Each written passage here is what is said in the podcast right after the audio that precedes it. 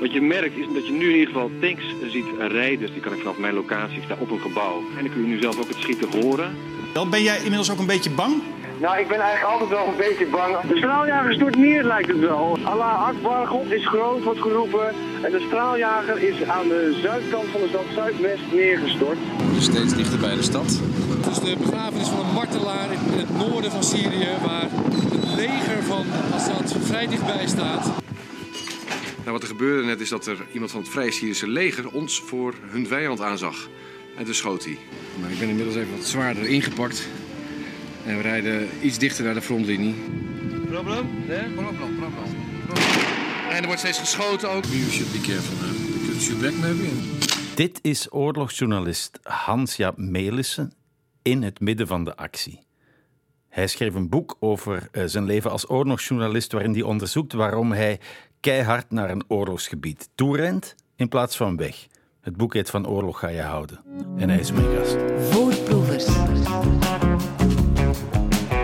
Hans-Jaap Melissen, auteur van Van Oorlog ga je houden. Ik zag deze week eh, in een aflevering van de Antiques Roadshow op BBC, dat is een guilty pleasure van mij, een vrouw van middelbare leeftijd die de oude vliegeniersjas en medaille van haar vader zaliger wilde laten schatten.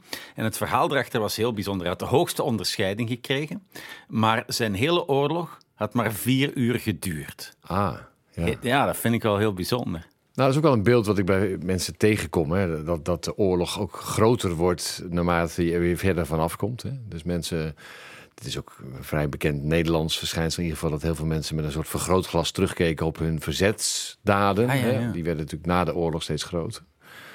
Uh, want de oorlog ja, is voor, ook voor sommige mensen een, een medaille. Letterlijk soms ook, hè? maar ook figuurlijk natuurlijk.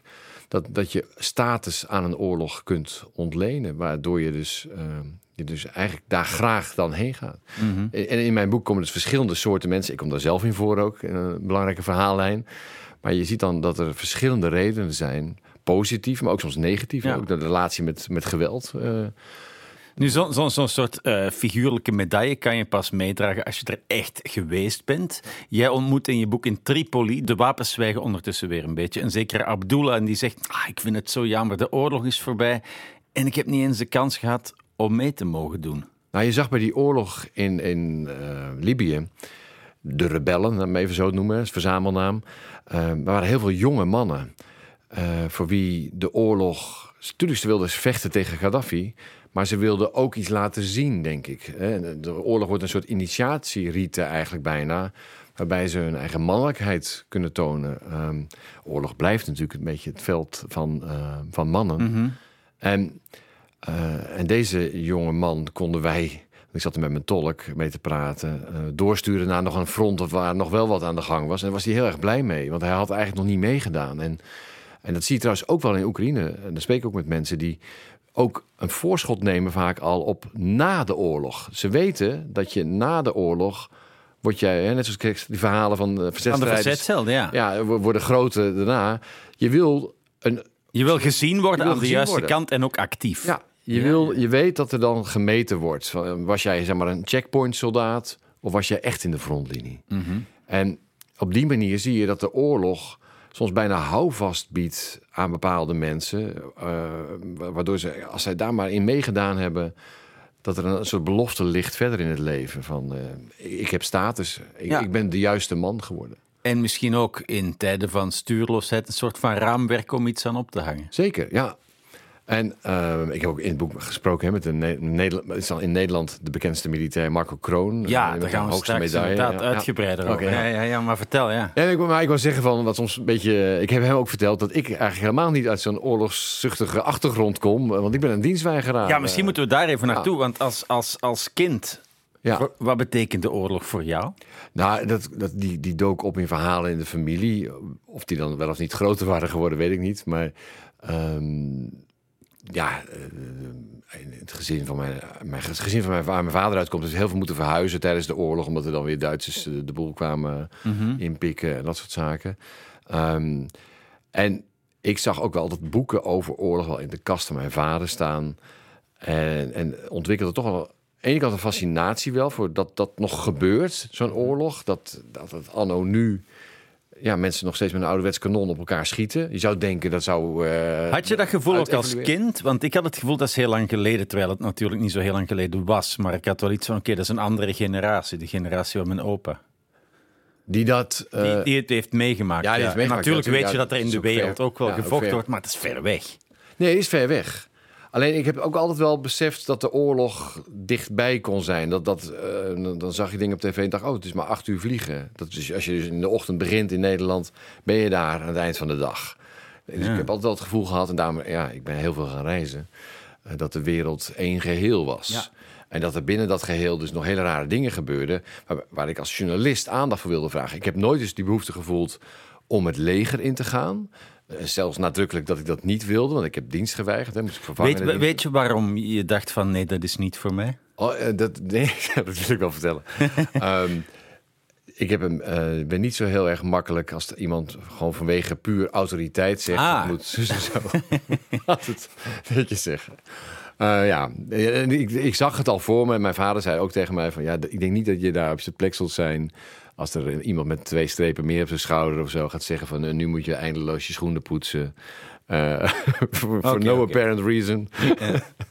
nou ja, dus ik dacht, dat moet ik mezelf niet aandoen... want dan, dan, dan word je gewoon in de bak gegooid hè, in de gevangenis ja. eigenlijk... als je een soort totaalweigeraar bent. Maar er is binnen de Nederlandse wet er is er een, een escape. Je kon, je kon eruit door een eh, beroep te doen op de wet gewetensbezwaarden... Ja. Dat je voor je geweten niet kon maken. Dat was hier ook zo, ja. Ja, da- da- daar heb ik zo beroep op gedaan. Ehm, je moet niet altijd de ware reden natuurlijk zeggen bij Nee. zo'n eh, t- soort examen. Dus ja, en, en, en, eh, maar uiteindelijk dus wel veel met oorlog gaan Ja. doen in mijn journalistieke werk. Ja. Eh, een, een heel mooi moment ook eh, beschrijf je toen je als puber een poster zag en daar stond op: Stel je voor, er komt oorlog, oorlog en niemand gaat er naartoe. Ja, Dat is een mooie. Dat is ja dat is een hele mooie. Ja, dat is een echte ouderwetse vredesposter. Ehm, en, en ik dacht ook, eh, dat was voor mij ook wel een soort... hey, Ik liep foldertjes hè, te, te verspreiden, krantjes en zo. En ik zag die poster. Ik dacht, ja, dat is natuurlijk eigenlijk wel waar. Als, als niemand zich meer gaat melden als militair, wie maakt dan, dan nog oorlog? Ehm, en dus ik zag dat wel voor mijzelf op die manier Ja. eh, gaan. Eh, ook al had ik er wel een fascinatie mee, maar ik dacht, nee, dit- ik moet daar zeker niet met een wapen staan. En eh, orders, Ja. schiet jij die en die maar dood. Nee, dus... dus ehm, Maar dan begint het toch te kriebelen. Je, ziet- je Ja, ziet zeker. inderdaad een oorlog die zich afspeelt op een vliegreis hier vandaan. Ja. Eh, wanneer, wanneer is dat volgen van op afstand niet meer genoeg voor jou? Wanneer begin je te zeggen van kijk, ik, ik, ik moet mee naar die oorlog? Nou, ik, ik ben de journalistiek ingerold. Eigenlijk trouwens via dat dienstweigeren kreeg ik een, eh, een baan bij een eh, regionaal radiostation eh, als gewoon als verslaggever. Maar daar voelde ik ook al van, ja, ik vond het interessant hoor. Een raadsvergadering in een van een klein plaatsje in de provincie Utrecht over het nieuwe zwembad. Maar ik wist dat dat niet van binnen was, was wat ik wilde. Dus ik ben gaan kijken of ik mijn werk kon verplaatsen. Want bij de regionale omroep, eh, nou, dan moest ik heel lang Ja. wachten tot de oorlog kwam, denk ik. Dus eh, ik ben naar de Wereldomroep, dat is de internationale omroep hè, Ja. van, eh, van Nederland. Die bestaat niet meer, maar daar ben ik naar, heb ik eerst Nederlands nieuws gedaan en heb ik mezelf eigenlijk naar buiten gevochten. Want je moest wel echt je best doen, Ja. om, want er was ook al een beetje heel veel terughoudendheid. Om, voorzichtigheid vond ik wel, het is een beetje onderdeel ook van de Nederlandse cultuur, zeg ik Oké, eens. Dat, dat ehm, van ja, moet je dat nou wat doen? En eh, is het niet te gevaarlijk, niet te eng? En waarom, waarom moeten wij daarheen? Terwijl je dan ziet dat bijvoorbeeld in de Franse journalistiek eh, er juist heel veel competitie is. eh, dat er heel veel Om mensen... te mogen gaan. Ja, Ja, ja, ja. ik heb wel heel vaak En gezegd... vonden, vonden mensen dat vreemd bij de omroep dat je zei van hé, hey, ik, zou echt, ik zou echt graag gaan? Ja, ik denk dat een aantal mensen dat echt wel vreemd vond. Of, of, of dacht van ja, waarom dan? En, en dat ook wel tegen mij zeiden. En, maar, dat zit ook heel erg ingebakken in die Nederlandse verzekeringscultuur. Alles kun je verzekeren. Volgens mij kun je eh, via, ik zag geen reclame maken, maar via een bepaald bedrijf je huisdier verzekeren voor fysiotherapie. Eh, nou, ik dacht, dat zijn we toch Ja. wel aardig en gevorderd met. ehm, eh, de, de wereld afmaken en veilig maken. En je Ja. ziet ook hoe groot het natuurlijk de, de, het verschil is tussen jouw situatie, waar je iets moet beoordelen, dus, dus een eindredacteur, hoofdredacteur, en, en de andere werkelijkheid waar ik naartoe wilde, hoe ingewikkelder dat ook wordt. Je hebt steeds minder relatie daarmee. Mhm. En ik denk dat dat. eh, ja, dus ik heb wel echt wel naar de oorlog moeten vechten. Ik ben ook wel eens ergens weggehaald. Of er werd gezegd van, jij moet daar nu weggaan. Ik zei, maar ja, we moesten, mochten er toch wel naartoe? Ja, maar niet zo verder in. Ja, ja. ja, Ja. ja. En Maar op den duur lukt dat dan, hè, natuurlijk. Eh, want ik heb, ben volhardend. ja, en ik doe het nu al 25 jaar. Wel in de laatste, wat is het, 12 jaar, 13 jaar, helemaal freelance. Ja. Eh, maar dan heb je nog steeds te maken met dat mensen je natuurlijk je werk moeten afnemen. ja, die eerste keer dat je dan toch het ja-woord krijgt van oké, je mag naar de oorlog. Ja, Hoe, hoe ging dat? Ja, d- het was allemaal nog een beetje, vond ik, toen vond ik het allemaal heel wat. eh, maar het was nog niet zo heftig zoals ik nu in Oekraïne Nee. eh, natuurlijk de dingen meemaken of op andere plekken uiteindelijk. Nee, daar was ik heel, heel blij mee. Ehm, ja, ik heb dingen ook nog een beetje in een soort marge van een soort kleine golfcrisis gedaan. Maar uh, landde je op een vliegtuigschip, was ook interessant. Zo'n jongensdroom om daar te kijken. Maar ehm, uiteindelijk ga ik de Kosovo-crisis ook verslaan. Ja, dus ook, ja. eh, ook in 1998, als er nog geen eh, NAVO-troepen naar binnen zijn, maar gewoon de, de- het conflict tussen de Servische autoriteiten, zeg maar daar nog, en de Mhm. Albanese rebellen. Ja, en, en ik wist meteen toen ik daar rondreisde wel dat dit is waar ik thuis hoor. Ja. En dan ontmoet je inderdaad voor het eerst soldaten die echt vechten ook. Ja, zeker. En, ehm, ja, en rebellen. En, en, en ook, en dat- was mijn eh, gevoel er ook wel bij. Het gevoel in zo'n samenleving dat iedereen is met iets bezig Ja. wat heel essentieel is. Ja. En dus een soort, soort, toch een soort saamhorigheid eigenlijk. En daar maak je ook als journalist deel van uit. Oh, is dat zo, ja? ja, vind ik echt. Die mensen waarderen eigenlijk dat je er bent. eh, delen eh, ook makkelijker hun eigen problemen met je. Daar vraag je natuurlijk ook wel naar. Maar ook, het ligt allemaal wat meer bovenaan. Dus, Ja. dus wat meer oprechtheid bovenaan, denk ik. En hoe makkelijk is het dan als je voor het eerst op reportage gaat om meteen in gesprek te treden met mensen die, in, die echt vechten op leven en dood? Is dat, is dat de eerste keer eh, moeilijk? Om de taal, om een soort gemeenschappelijke taal te vinden, want je hebt die context ook. Ja, nee, ik vind het een goede vraag. Want ik zie dat wel eens bij mensen niet zo goed gaan, denk ik wel eens. En dat wil niet zeggen dat ik nou allemaal fantastisch deed meteen. Maar ik dacht, dat ik, ik heb wat wel een soort andere privéschool achter de rug. Met eh, best wel veel doden, al jong al in mijn leven. Eh, waardoor je ook al, al vrij jong met an- eh, situaties terecht. Het was een mini-oorlog in je leven eigenlijk. Ik, Ja. was, ik ben opgegroeid in de buurt. Het was bijna een soort Aleppo, maar dan zonder de schade aan de gebouwen. Waarbij opvallend veel mensen jong eh, zijn eh, Ja. gestorven.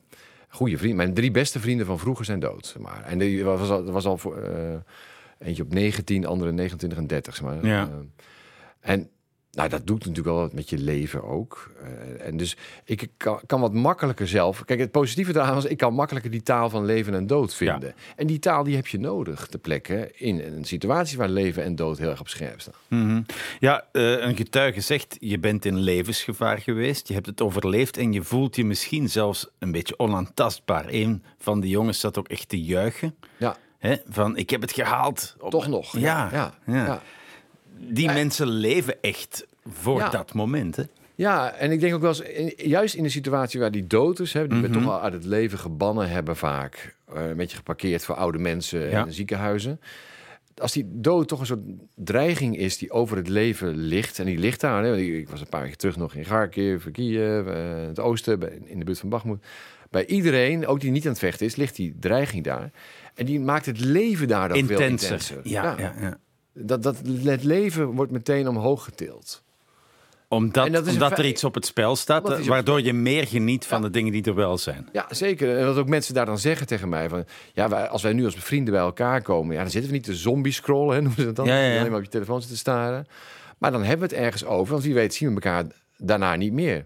En in wezen kun je dat hier natuurlijk ook denken. Van, in wezen kan iedereen een ongeluk krijgen, wat dan ook. Maar het ligt er toch veel verder minder vanaf. acuut, hè? Ja, ja, ja, acuut. ja. Eh, Voel je dat dan ook wanneer je aankomt in een oorlogszone? Van oké, ja, die energie is hier. Ja, en ik- gaat het over wezenlijke dingen. Ja. Ja. En ik vind dat zelf altijd toch... eh, ik vind, het ook heel, ik vind het makkelijker om in de oorlog te arriveren... dan terug thuis. Dat hoor je vaker. Ja. Ja, Iemand die daar zeker ook last van heeft, is inderdaad die Marco Kroon. Je hebt hem daarnet al even geïntroduceerd. Eh, Nederlands bekendste eh, oorlogsheld, zeg maar. Hè? Ja, zeker. En ook een beetje berucht. Eh, want hij, hij heeft ook een aantal veroordelingen achter de rug. Vanwege, eh, hij zegt dan, ja, hij wil niet zeggen dat hij het gedaan heeft. Hij zegt, ik ben veroordeeld voor kopstoot. eh, Ja. Maar misschien moeten we even een kader van wie, wie is hij? Ja, hij ontvangt jou in het boek in een soort ultieme man cave. Ja, hij heeft een huis, een, gewoon eigenlijk een normaal, normaal huis. Maar als je dan binnenkomt, blijkt er een, een stuk aan te zitten waar hij een soort ja, bijna een soort binnenhuishut heeft... waar hij ook zijn oude makkers... Het is een commando, hè? Het is gewoon een oud, oud commando inmiddels... eh, en die op het hoogste geweldsniveau gevochten heeft in Afghanistan, bijvoorbeeld. En dat is toch ook. Maar wat ik wel interessant ook vind, is dat hij dus ook wel. Als je hebt over moeilijke thuiskomst, hè, want, eh, dat heeft hij natuurlijk eigenlijk ook. En ik ga ze niet vergoeilijken wat hij wel of niet mogelijk gedaan heeft. Zo, maar je vraagt als land zeg maar, wel iets van mensen. Ja. Dat ze dat soort dingen kunnen doen. En tegelijkertijd vraag je ook eigenlijk dat ze eh, de eervolle huisvader zijn. Die dan weer normaal in het vredesleven meegaat. Ja, ja. En dat is denk ik inderdaad wel eens lastig natuurlijk voor mensen die dat soort dingen hebben eh, achter de rug hebben.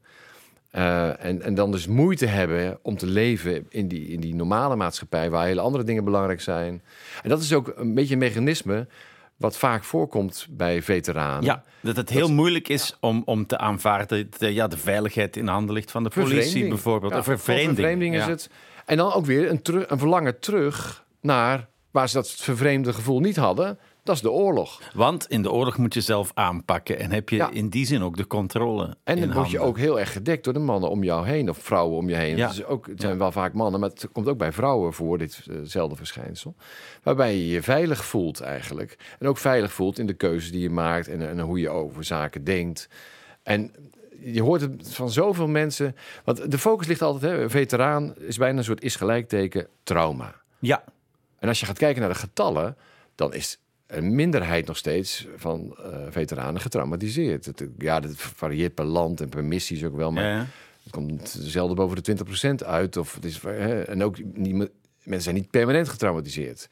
Eh, je kunt het ook oplossen. En er zijn psychologen die zeggen van, we doen alleen maar onderzoek naar getraumatiseerde militairen, maar eigenlijk zouden we beter onderzoek naar mensen doen die er ongeschonden uitkomen. en- Waarom? Ja, zo'n psycholoog zit in mijn boek en die... ehm, omdat je daarvan iets van kunt leren. Maar hoezo, hoezo is 80% niet getraumatiseerd? Hoe gaan die er dan mee om?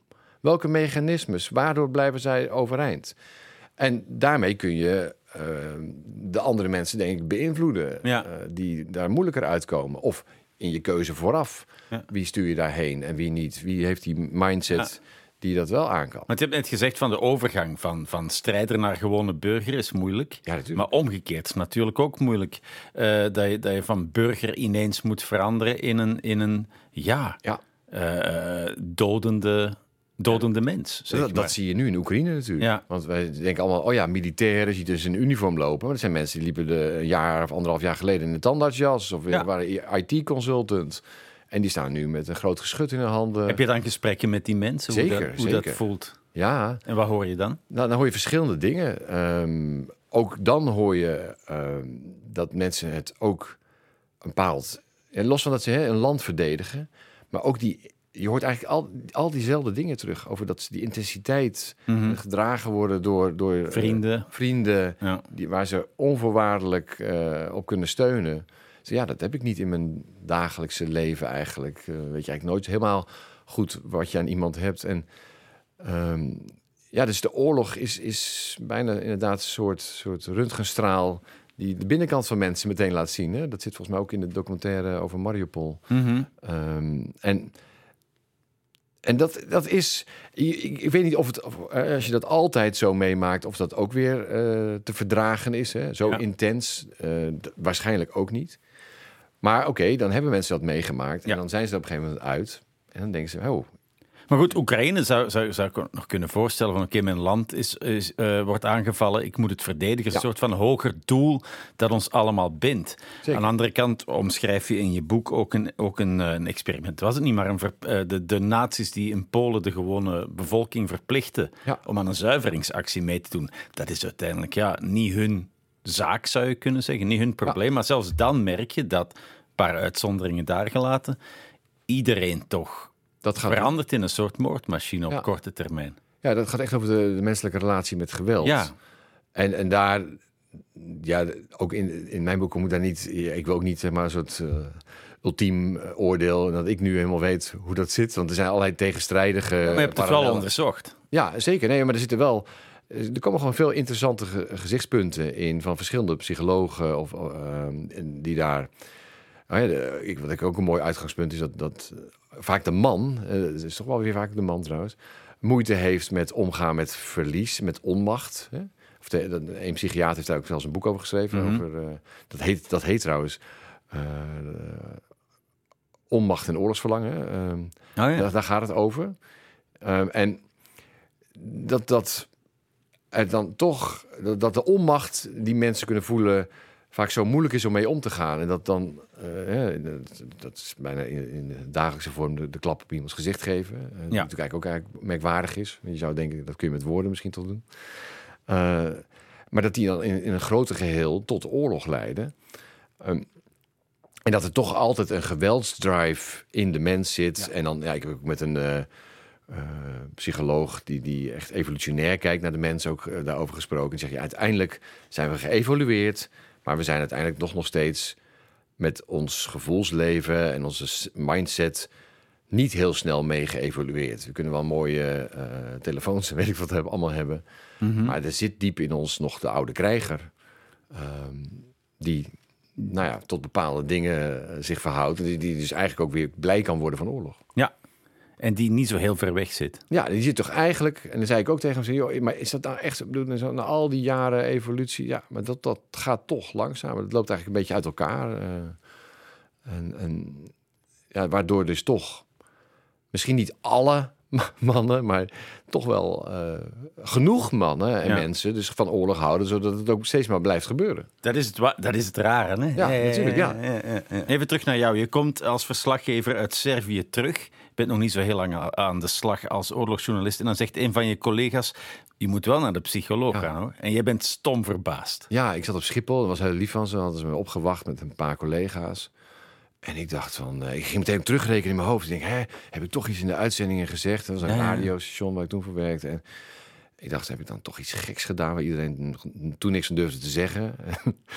maar ik kon ze gewoon niks vinden.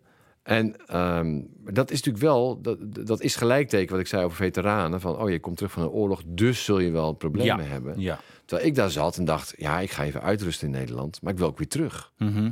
En ik hoop eigenlijk weer zo gauw mogelijk terug te gaan. Want ik heb het daar ook qua werk naar mijn zin. Ik, ik deed het werk waar ik altijd van droomde dat ik dat ging doen. Uh, en ik had ja, een, een, interessante, intensieve tijd achter de rug. Ja. En toen was je nog redelijk vers, zou Ja, ik kunnen zeker, zeggen. ja. Nu heb je echt heel veel meegemaakt. Denk je daar nog steeds zo over? Dat ik het, ja, eigenlijk, ja, ik voel me nog steeds prettig. Uh, en ook nu, hè, ik, ik, zat, ik ben twee weken geleden teruggekomen, denk ik. Um, en dan zie ik weer dingen gebeuren in Oekraïne. En ik weet dat ik er niet altijd bij kan zijn. Ik heb een gezin in Nederland ook. En dus, dus, maar dan denk ik, oh, ik zou er toch eigenlijk wel willen zitten nu. Mm -hmm.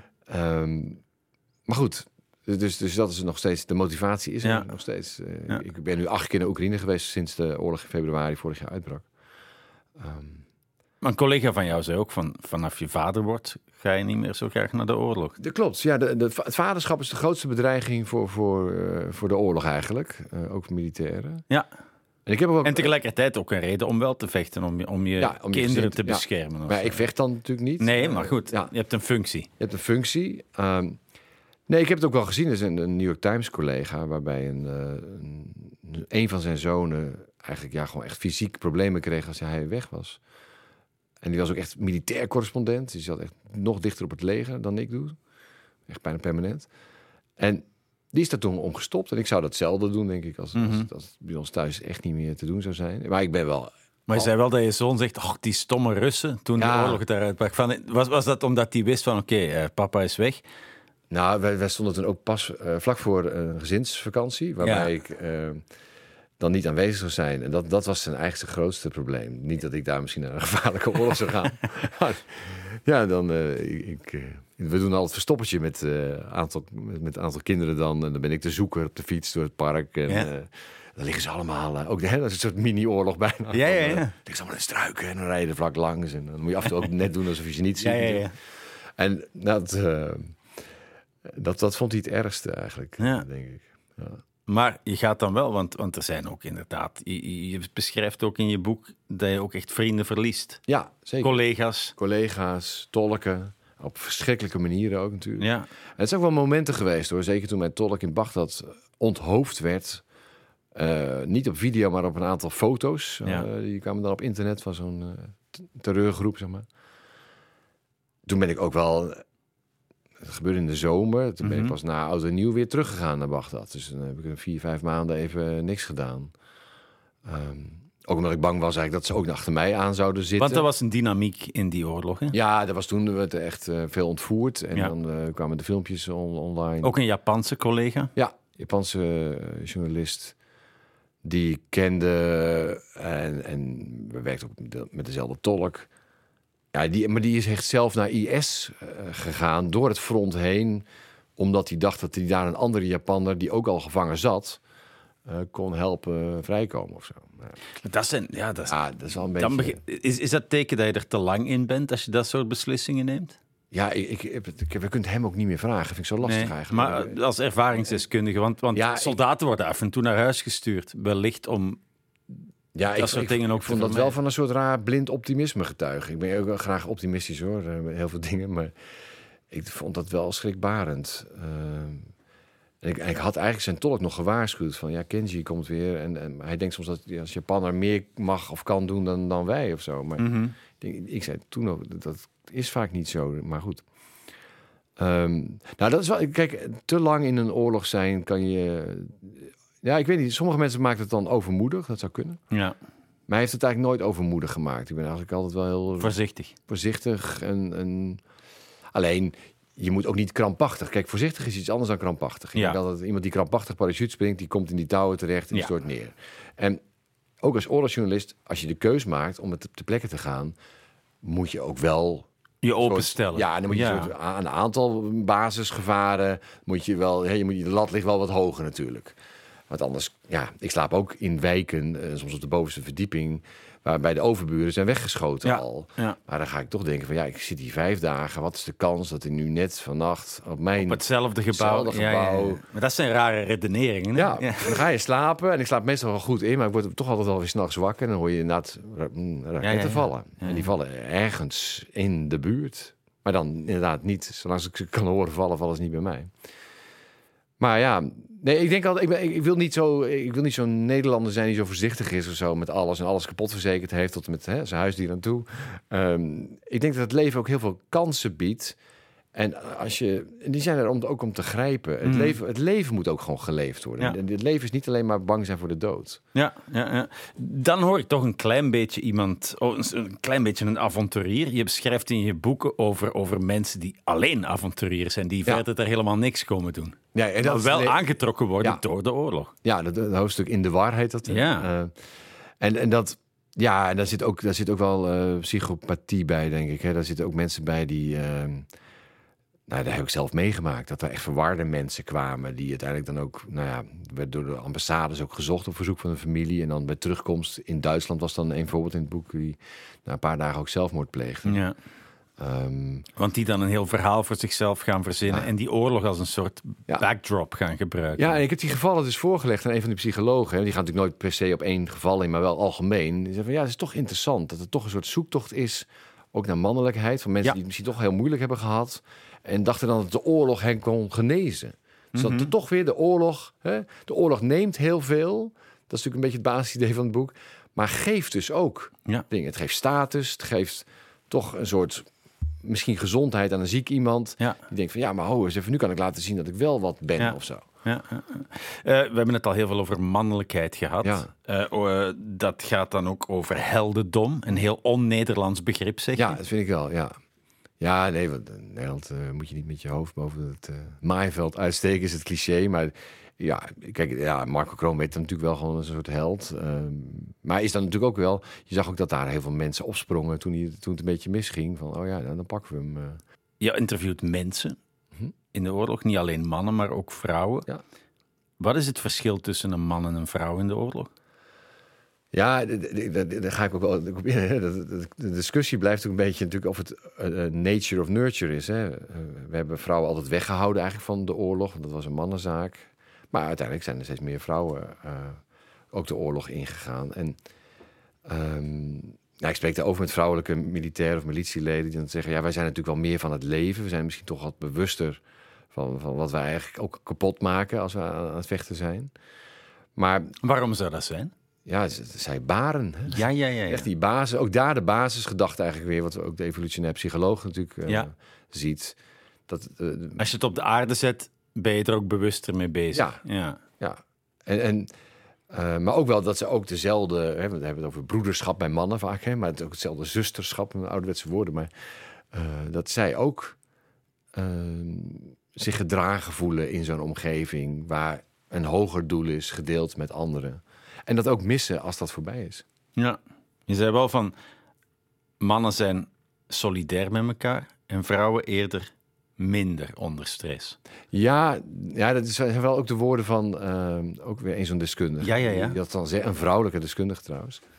En eh, mevrouw van genderstudies. eh, en die, eh, die, ja, die dat laat zien dat, dat vrouwen... Het, eh, eh, mannen hebben altijd gedacht dat ze superieur zijn en, en vrouwen hadden een soort tekort. Eh, en, en, en dat, vrouwen, dat, dat vrouwen dat ook nog wel naar elkaar uitdragen. Ja. Ehm, en, en, dan- en dan heb je dus minder soli- solidariteit. De, de kift noemen wij het vaak in Nederland. Ja, ja. Maar ja, dat, dat is natuurlijk wel iets wat, waar ze vaak van afgehouden zijn. En, en als, we zijn dus heel erg bezig met gender vaak. eh, ehm, als dat veel meer open gaat staan, worden mannen en vrouwen wellicht daar min of meer gelijk in uiteindelijk. Mhm. Dat, dat laat, de- laat de deskundigen wel zo open die weg. ja. En dan moet je wel weer heel veel jaren verder zijn. Dat man en vrouw eigenlijk op dezelfde manier in de oorlog gaan staan. Ja. Fysiek zijn ze natuurlijk tot, tot minder dingen in staat. Maar ja, hoe, heel fysiek moet je de oorlog soms nog Ja, vechten? is echt heel veel speren komen er niet meer Ja. bij kijken. Nee, niet, niet, eh, niet uiteindelijk. Meestal. Ja, wel, Meestal. ja, in de, de loopgraven van Oekraïne eh, Ja. zijn ze soms wel nog echt. eh, Dat vond ik zo ongelooflijk. Dat, Ja. die, dat, dat, dat die Eerste Wereldoorlog Ja. eigenlijk opnieuw uitgevochten werd. daar. Dat, dat, dat- als je daarover leest, denk je, dat kan toch niet. Nee, en ik was er in februari bijvoorbeeld, was ik echt in zo'n loopgraaf. Die was besneeuwd ook, lag veel sneeuw toen. En ik was daar tussen die mannen en die hadden zo'n hutje ook in, midden in de loopgraaf. En ik dacht alleen maar van, oh, ik moet mijn camera op zwart-wit stand zetten. Ja, en ik En ben ik laat het zien Ja. en zeg maar, kijk wat een goede beeld ik gevonden heb van de Eerste Wereldoorlog het archief ergens. Echt niet normaal. En dan, ja, ik, voel- ik voel me op zich bevoorrecht dat ik dat dan mag zien. Maar het is Mhm. natuurlijk wel buitengewoon treurig dat dit, hè, dat dit nog kan. Dat je op zo'n korte tijd teruggeslingerd wordt naar ja, 1913. Eigenlijk, ik zie weer de fascinatie waarmee ik de oorlog inging, was eigenlijk natuurlijk. Ik had geen fascinatie met geweld, ik was een dienstweigeraar, maar dat het nog bestaat. Dat Ja. mensen nog steeds dit doen. Weet je wel? En, en als je dan op deze primitieve, primitieve manier, maar ouderwetse manier vooral, eh, dan weer ziet, dat je denkt: oh man, hoe kan het? Ja, Hoe lang gaat dit nog door? Hebben we over 100 jaar ook nog van die eh loopgravenoorlog ergens? Eh, ergens zeker wel, denk ik. Hè? ja, ik ben bang van wel. Ja. Want ja, die, die leuze nooit meer oorlog, dat is onzin toch? Nee, ik heb ook vroeger gedacht, ook wel dat ik in mijn journalistieke werk, hè, want dat is natuurlijk het belangrijkste wat ik daar kon doen. Ik kon verhalen vertellen waarvan ik hoop dat er iets mee gedaan wordt. En ik was daar vroeger veel idealistischer in. Ik dacht, van, nou, als ik maar laat zien hè, wat voor gruwelijks er gebeurt, dan help ik die oorlog stoppen. Maar dat, dat moet niet meer mijn insteek zijn, zag ik op een gegeven moment. Ja. Want, ja, daar word je heel bitter van, want dan gaat Het lukt nooit. dat lukt Ja. nooit. Of, ja, het zijn natuurlijk wel eens gevallen geweest, maar bepaalde foto's hè, van bepaalde gruwelen. Dat meisje in Vietnam, dat heeft denk ik hè, dat naakt door napalm eh, geraakt, eh, dat het verbrande kleren had uitgedaan. Ehm, dat heeft denk ik wel publieke opinie heel erg beïnvloed. Of, Ja. of de markt in Sarajevo, eh, foto's ervan dat hij gebombardeerd was. Maar over het algemeen, ja, weet ik, ja, ik vind het heel moeilijk. Ik wil die, dat verhaal, ik wil alleen maar vooral dat mensen niet meer kunnen zeggen dat ze niet geweten hebben dat er ergens iets gebeurd is. Hè? Dat, Wat wij altijd in het Duits. eh, Dat mag niet aan jou gelezen, gelegen hebben. Ja, ik heb er mijn best voor gedaan dat dat niet gezegd kan worden. Ja. En, en dan, wat er dan vervolgens mee gebeurt, ja, ik hoop. eh, dat, dat, dat, dat we nog, ik hoop dat oorlog in het museum verdwijnt. En ik zag ook laatst, hè, toen ik uit Oekraïne wegreed bij het front, kwamen net allemaal nieuwe tanks aan op een oplader. En dacht ik, oh, wat ziet het er toch eigenlijk uit alsof die eigenlijk gewoon, die zouden gewoon naar een museum moeten gaan, weet je? Maar Ja. dit gaat dan nog gewoon in het veld neergezet worden. En dan komt er een soort grote bal of een groot ding uit en het ontploft dan ergens anders. En Ja. dat we dat nog steeds doen. Die fascinatie, ja, die zal ik houden tot, eh, ja, tot, tot mijn pensioen, denk ik. Want eh, voor die tijd eh, is er nog gewoon al oorlog. Ik moet nog tien jaar, zo ongeveer, denk ik. Twaalf Mhm. jaar. Veel geluk eh, wens ik jou. Dit was Voorproevers over Van Oorlog ga je houden, een eh, boek van Hans-Jaap Melissen.